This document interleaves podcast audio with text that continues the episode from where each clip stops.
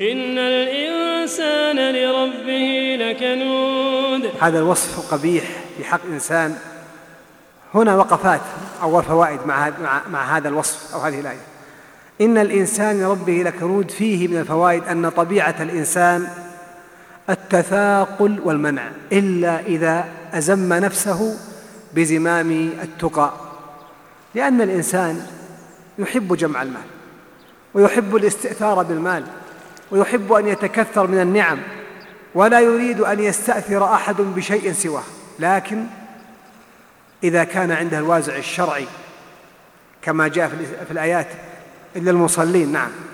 هؤلاء تنهاهم صلاتهم التي أقاموها وداوموا على إقامتها من هذه الخصال السيئة.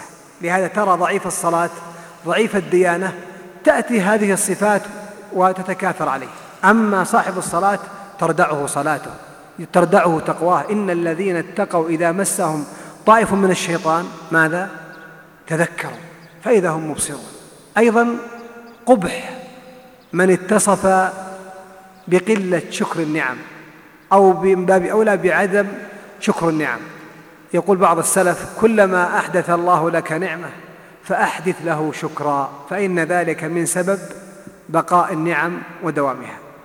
أيضا من فوائدها أن شكر النعم يكون حجة لصاحبها.